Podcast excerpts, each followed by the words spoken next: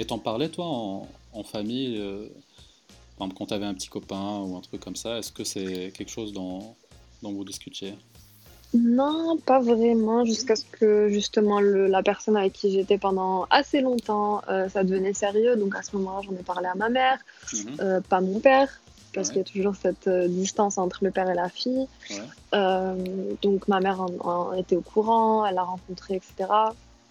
Et ma mère est quand même quelqu'un de très ouvert Ouais. par rapport, euh, par rapport au- à la culture marocaine, etc. Mhm. Euh, donc du coup, oui, j'en ai parlé. Euh, j'en parle pas sinon quand c'est pas sérieux, quand c'est pas, quand je vois pas un peu si tu veux un futur avec la personne, j'en parle pas.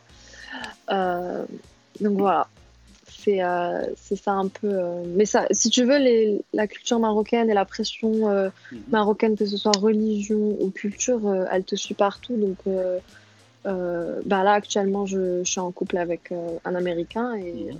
disons que ma mère elle a appris, elle était pas très contente. Donc si tu veux, c'est le même que ce soit quelqu'un de, de marocain, quelqu'un d'américain, peu importe qui est, ou où c'est, ou où tu es, il y a toujours cette, si tu veux, cette, euh, comment dire, cette, Ces cette attentes, tradition, ouais. ces, ouais, ces attentes qui te rattrapent.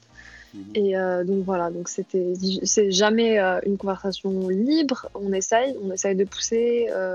ma soeur, mon frère et moi, on, on, essaie d'en parler si tu veux pour un peu casser les stéréotypes et un peu casser justement ces attentes Ouais. pour que si tu veux, même si nos parents ils sont très, ils sont assez ouverts sur sur plein de sujets, etc.